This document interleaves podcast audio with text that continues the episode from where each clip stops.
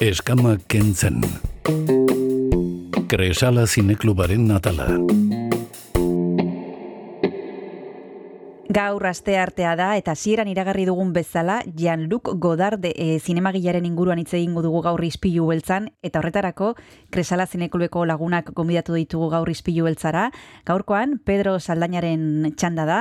Egunon Pedro, ¿qué tal estás? Hola, muy buenas, muy bien, gracias. Bueno, como hemos anunciado ya desde el principio, hoy nos vais a hablar de Jean-Luc Godard, de este autor francés y de una de sus películas, bueno, mm, no sé si más conocidas, porque como tiene tantas conocidas ya no sé, pero de, de Weekend y si te parece, Pedro, vamos a empezar por el principio. Eh, para alguien que aún eh, no haya visto a esta película o la haya visto pero la tiene ahí ya muy olvidada, eh, ¿de qué nos habla Gordard en esta cinta? Pues de la decadencia de la burguesía, como en tantas de sus otras películas. Lo que pasa es que en esta película, la elección de esta película, podríamos haber elegido otras películas que muchas de ellas ya se han echado en San Sebastián, pero esta nos parece una apuesta distinta. Un, hay muchísimo cine de Godard que, no se ha podido ver, hay, otro también que sí, eh, Tabacalera trajo alguna película inédita hecha para televisión.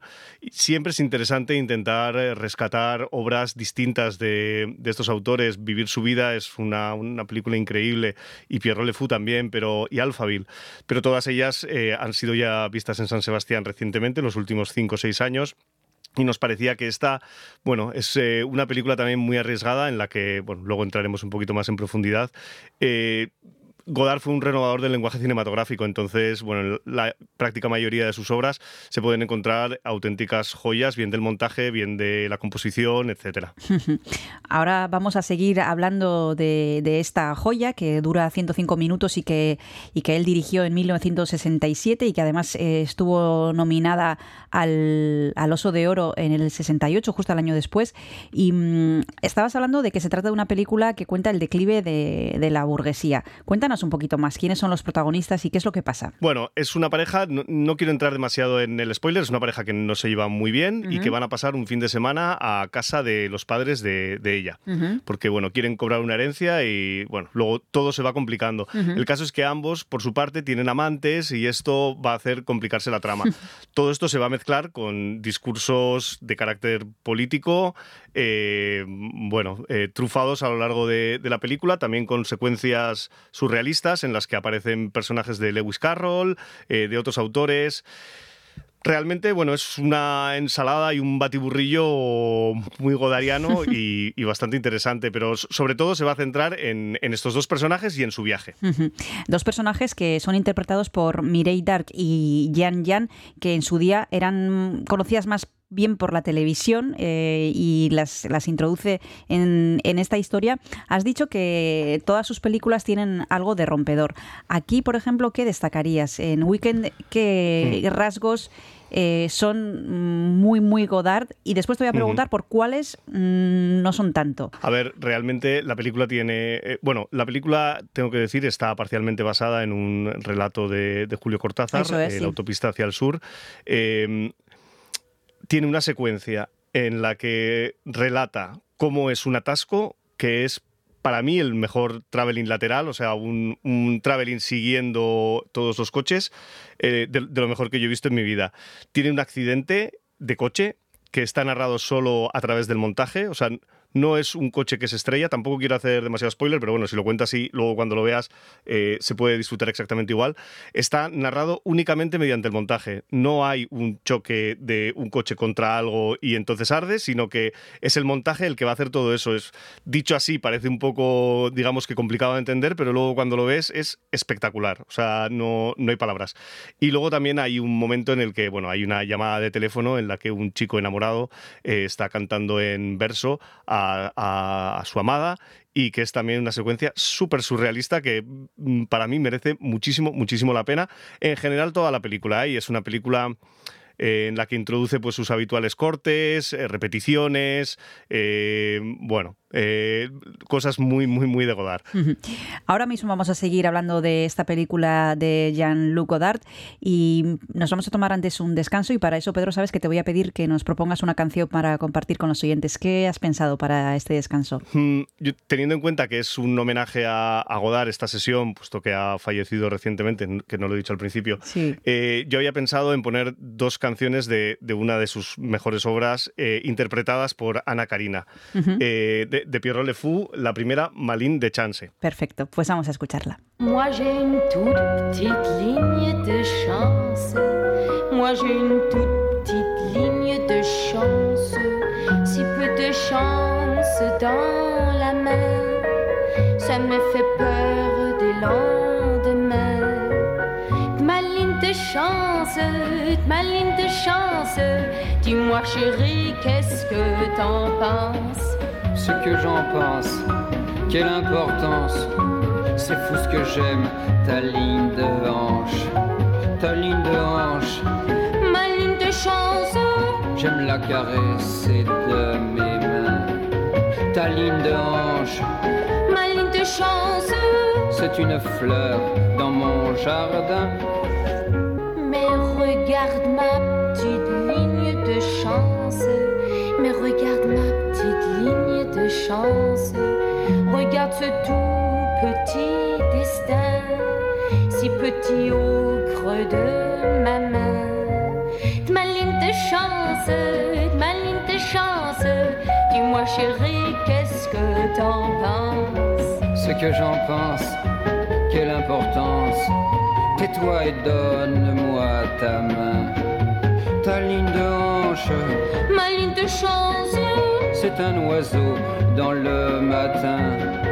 Ta ligne de hanche, ma ligne de chance, l'oiseau frivole de nos destins. Quand même une si petite ligne de chance, quand même une si petite ligne de chance, une si petite ligne c'est moins que rien, à peine un petit point dans la main de chance, ma ligne de chance. Dis-moi chérie, qu'est-ce que t'en penses? Ce que j'en pense, quelle importance. Je suis fou de joie tous les matins. Ta ligne de hanche, ma ligne de chance. Un oiseau chante dans mes mains. Ta ligne de hanche, ma ligne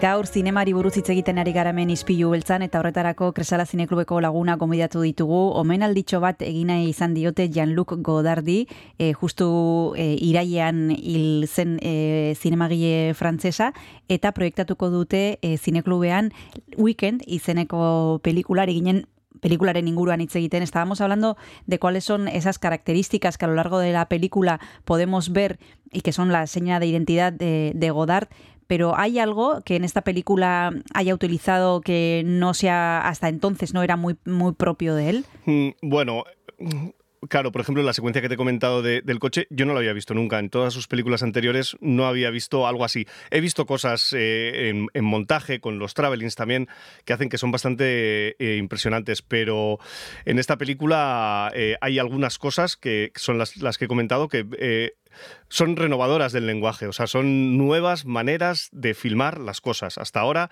pues como he dicho antes, un accidente es un coche, se estrella contra algo y ya está, pero es que aquí va a estar narrado de una manera completamente distinta. Luego también la película eh, ya lo va a notar el espectador y, está planteada también así.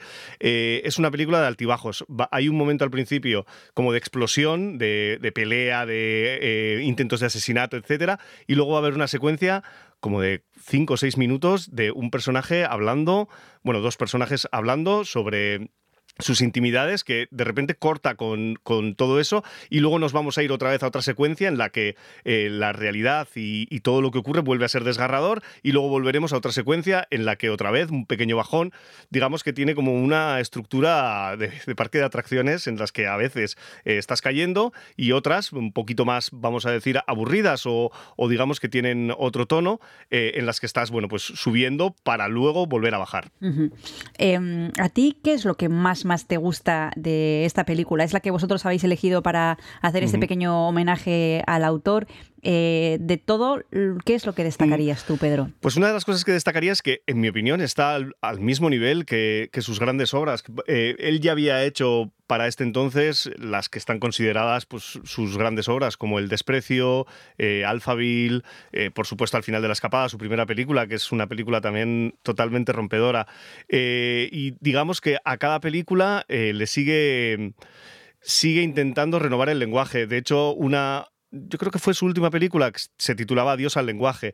Eh, él se considera, bueno, es considerado uno de los mayores renovadores del, lenguaje cinematográfico, allá por finales de los 50 y los 60. Todo esto empezó antes con eh, los Rossellini, etcétera, con el neorrealismo italiano, con la manera de rodar.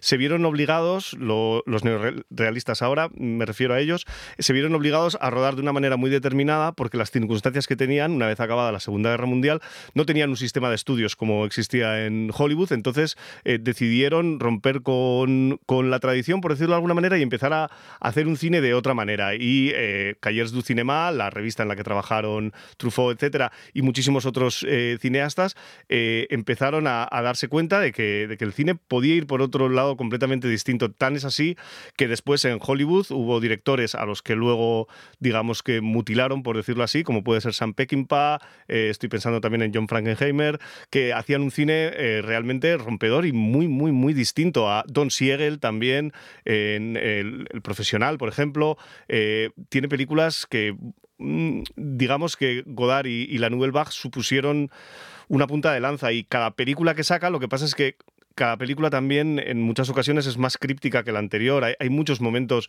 en los que exige al espectador mucho más a veces de, lo que como espectadores podemos llegar a, darle. Él, digamos que en ese sentido es un cineasta total. Eh, cuando hablas de que, se, de que exige al espectador más de lo que le podemos dar, ¿eso en qué se traduce? Eh, Pedro, nos, ¿es posible que haya quien nos escuche que no controla demasiado la filmografía de, este cineasta y eso se traduce en que es difícil, en que nos va a costar entender eh, sus trabajos. Más bien en que hay momentos en los que no entiendes por qué estás viendo lo que, lo que estás viendo. Tiene otros momentos que son, digamos, muchísimo más accesibles y mucho más para mí lúcidos o, o, por lo menos más fácilmente accesibles en los que yo realmente comulgo 100%, o sea, cosas que se entienden simplemente cuando las ves. Hay otras que las entiendes si, si tienes un conocimiento previo de algunas cosas. Si, por ejemplo, él puede poner un discurso marxista en un momento determinado, eh, claro, si tú sabes que es un discurso marxista, puedes entenderlo de una manera, pero si no, bueno, es un tío metiendo un rollo que no entiendo muy bien qué hace. Entonces, eh, en ese sentido, hay momentos en los que se puede hacer más inaccesible, pero yo siempre insisto, para mí lo realmente importante es cómo aborda el lenguaje cinematográfico. Yo recuerdo que una de las mejores cosas que, una de las, uno de los mejores momentos de, de Godard, de los que a mí más me gustan, está en Pierre Le Fou, y hace algo que yo no había visto o que yo no he visto en ninguna película hasta ese momento, y es eh, genera un momento de tensión, van a robar un coche, entonces sube la, la música, mm, ya sabéis, o sea, la, la, música que se oye de una banda sonora, la, la, va subiendo, creando tensión, y en el momento en el que abre la puerta del coche para robarlo, la quita. Y eso lo que hace es, te genera todavía más tensión, porque eh, tú estabas esperando que ese crescendo siguiese eh, como sigue, y de repente se corta, dejándote eh, digamos que todavía más nervioso, todavía más eh, expectante de, de, qué es lo que va a ocurrir. Y a mí esa clase de cosas son las que me parecen que realmente conectan con el espectador y que son capaces de transmitirle exactamente lo que le quieres transmitir en ese momento. ¿Cuál es tu favorita, Pedro? A mí es que me gusta mucho, mucho, mucho Weekend. Me parece una peli muy, muy especial. Pero bueno, Pierrot Le Me encanta. En Pierrot Le Fou, por ejemplo, hay una frase eh, que dice algo así como, eh, hay un momento en el que están con, con unos americanos y dice, los americanos son tremendos. Eh, te invaden, te dan una Coca-Cola y te obligan a darles las gracias. y claro, es un poco la idea del, imperialismo y demás. Y, y, claro, a mí esa frase, por ejemplo, yo cuando la escuché fue como, hostia, qué, qué bueno. O sea, qué, qué análisis más lúcido, simplista también, pero qué lúcido. Pues ahora mismo vamos a seguir, si te parece, hablando de Weekend pero nos vamos a tomar el segundo descanso y te voy a pedir que nos digas cuál era la, segunda canción que habías pensado. Es eh, otra canción de la banda sonora de Pierre Relefou, también interpretada por Ana Karina. Eh, lo voy a decir en francés, pero es que me va a salir fatal, que es Llamé Yenet Tadi, que, bueno, Llamé Yenet Tadi. Perfecto, pues vamos a escucharla.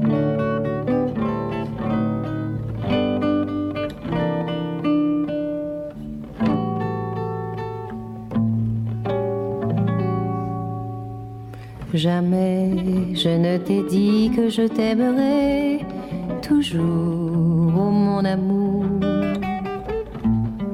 Jamais tu ne m'as promis de m'adorer toute la vie.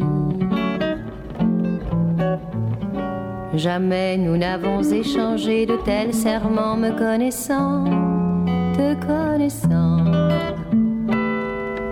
Jamais nous n'aurions cru être à jamais pris par l'amour, nous qui étions si inconstants. Pourtant, pourtant tout doucement, sans qu'entre nous rien ne soit dit, petit à petit, des sentiments se sont glissés entre nos corps qui se plaisaient à se mêler. Et puis des mots d'amour sont venus sur nos lèvres nues, petit à petit.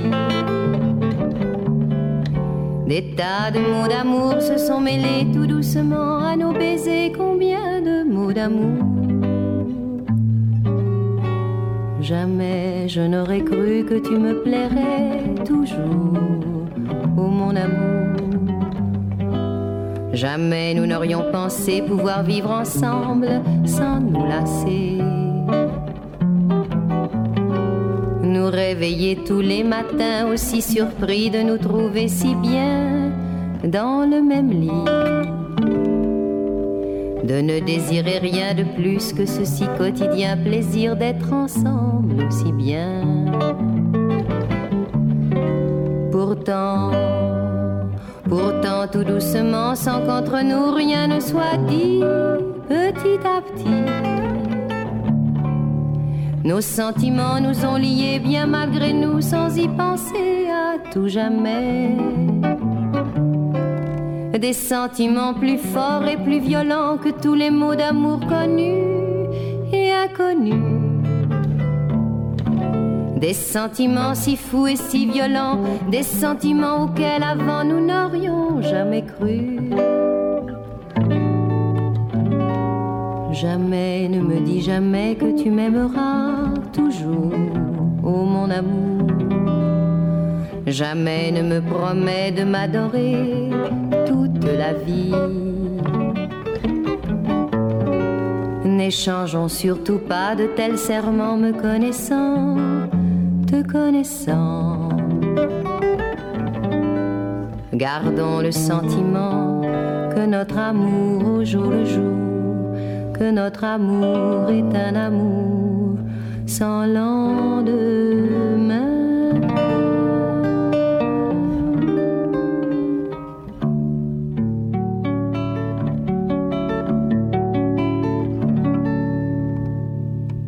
Donostia kultura irratian jarraitzen duzu, entzule izpilu eltzan gaude, eta gaur zinemari buruz hitz egiten ari gara Pedro Saldañarekin telefonoaren beste aldean dago, eta gaur Jean-Luc Godarden Weekend pelikularen inguruan arituko garaze, proiektatuko dute trueba zinemetan arratsaldeko zazpiterrietan e, beti bezala, omen alditxo bat egina izan diote zuzendari frantzesari, e, izan ere irailean e, zendu zen. Estábamos hablando de, de Weekend, esa película que tal vez sea la favorita de la filmografía de Godard, hablaba de los nuevos lenguajes cinematográficos, Pedro, y me gustaría saber, en tu opinión, esos lenguajes cinematográficos, a qué autores han marcado posteriormente y cómo podemos ver esas eh, señas de identidad tan propias de él en, otros trabajos de, otros cineastas. Sí, antes ya he mencionado, por ejemplo, Sam Peckinpah es uno de los que yo creo que, o sea, toda la nueva ola y, en mi opinión, especialmente Godard, se, nota. Eh, rodado de una manera súper particular. Eh, sobre todo sus primeras películas, eh, bueno, La huida, eh, Pat Garrett y el Niño, son películas, por ejemplo, las muertes se muestran en la cámara lenta desnaturalizándolo, o sea, haciendo, eh, quiero decir, luego eso es que luego eh, la cámara lenta, por ejemplo, se ha utilizado en infinidad de ocasiones para muchísimas otras cosas, pero Sam Peckinpah lo utilizaba en, momentos de acción y desnaturalizaba la acción, o sea, la, no ocurre en tiempo real, sino que ocurre de otra manera. Estoy pensando también, por ejemplo, eh, Quentin Tarantino, un director que me fascina, su, productora era Banda Part, que es una de las películas de, Godard, que por cierto también en Banda Godard también era un tío, es un tío muy, muy especial, pues como muy chulo. O sea, es muy bueno y muy chulo. No, no quiero establecer tampoco esta comparación porque es un poco frívola, pero es un poco rollo Cristiano Ronaldo. O sea, muy bueno y muy chulo. En, en Banda Part, a mí me encanta, ¿eh? porque en Banda Part, al principio en los créditos, bueno, pues eh, quién sale, no sé qué, la película, y cuando va a poner el director pone Jean-Luc Cinema Godard. O sea, el tío, digamos que, que se da una importancia a sí mismo que en mi opinión está en consonancia con la importancia que tiene, pero claro, que visto desde fuera puede parecer un poco arrogante. Pero luego hay otros directores también que han mostrado su fascinación, Wes Anderson y ahora mismo mm, no te sabría decir alguno que, haya eh, dado declaraciones sobre él, pero eh, su influencia en el cine y también su enemistad, por ejemplo, mítica con, con Billy Wilder eh, es, bueno, pues notorio y también es verdad que a veces los directores muchas veces eh, pueden ser reticentes a hablar bien de un director o de otro, etcétera, pero al final, em, cuando, cuando tú ves una película y esa película te impacta de, de alguna manera, eso si eres un cineasta o si vas a ser un cineasta, eso de alguna manera lo, canalizas y lo conviertes en tuyo y le das una nueva dimensión y una, y una, nueva realidad. No lo copias, sino que lo adaptas a tu propio estilo. Y esto, bueno, ya digo, en, Tarantino y en muchísimos otros directores eh, está bastante claro. Su filmografía, como hemos dicho antes, Pedro, es extensísima. Eh, más de 130 obras dirigió Jean-Luc Godard y vosotros como expertos en cine y, que controláis muchísimo a este autor, eh, ¿diríais que el nivel, por decirlo de, alguna manera, es eh, similar o mantuvo eh, la excelencia en todos sus proyectos? ¿O hay algún proyecto que, bueno, que decae, no sé cómo lo ves tú. Hmm. Sí, a ver, yo hay, hay bastantes películas que, no he visto. ¿eh? Luego tiene otras películas que son distintas. Por ejemplo, yo me compré en su día, sacó una edición la FNAC eh, de Histoires du Cinéma, que es eh, un documental, me parece que de cuatro horas o más de, duración, en el que lo que hace es remontar películas. Coge grandísimas películas de la historia del cine y las remonta y les da un nuevo sentido. Luego, yo recuerdo que en la escuela de cine en Barcelona eh, sí que nos, pusieron eh, fragmentos de las tiene una, etapa final eh, en la que quizás es más difícil bucear en ella, pero Yo te saludo María, por ejemplo, es una película de la que bueno, vimos bastantes fragmentos y por supuesto también una película ya del 2000, Elogio del Amor, que es una película también muy distinta. Es que él va evolucionando su cine y, y digamos que Claro, porque el, cine es complicado porque es, una gran industria. Entonces, eh, los productores no quieren arriesgarse demasiado. Eh, Godard decía que, bueno, que él eh, no ganaba dinero con sus películas. O sea, no, no es digamos que no es uno de esos directores a los que el éxito, el éxito por lo menos económicamente hablando, comercial, digamos exacto, el éxito comercial le haya perseguido. Entonces, en ese sentido, era un director muy, muy libre que hacía exactamente lo que le daba la gana, lo cual también a veces puede ser chocante muchas porque no entiendes exactamente lo que dice, porque esto también es lo que suele ocurrir con, la vanguardia. La, vanguardia es algo que, eh, o sea, es, alguien que está avanzando algo que va a llegar. Entonces, no siempre cuando, cuando accedemos a una obra de, vanguardia sabemos eh, decodificarla bien. Estoy pensando, por ejemplo, yo que sé, por poner el ejemplo más manido del mundo, pues Kandinsky o cualquiera, eh, cualquier, eh, cualquiera de los pintores eh, de, de, esa etapa, eh, siempre se escucha el comentario de, bueno, eso lo puede hacer un niño de 5 años. Y hombre, no, no creo que sea tan sencillo. También es verdad que luego eso entronca con otra realidad y es que no sé si, si te habrás enterado que la semana pasada creo que fue, descubrieron que un Mondrian llevaban no sé cuántos años colgándolo al revés. Que, deben haber descubierto una foto de la modelo de no sé quién en el que lo tenía puesto de la otra manera y claro, o sea, quiero decir también hasta qué punto eh, eh, a veces creemos entender lo que realmente no entendemos para nada. Claro.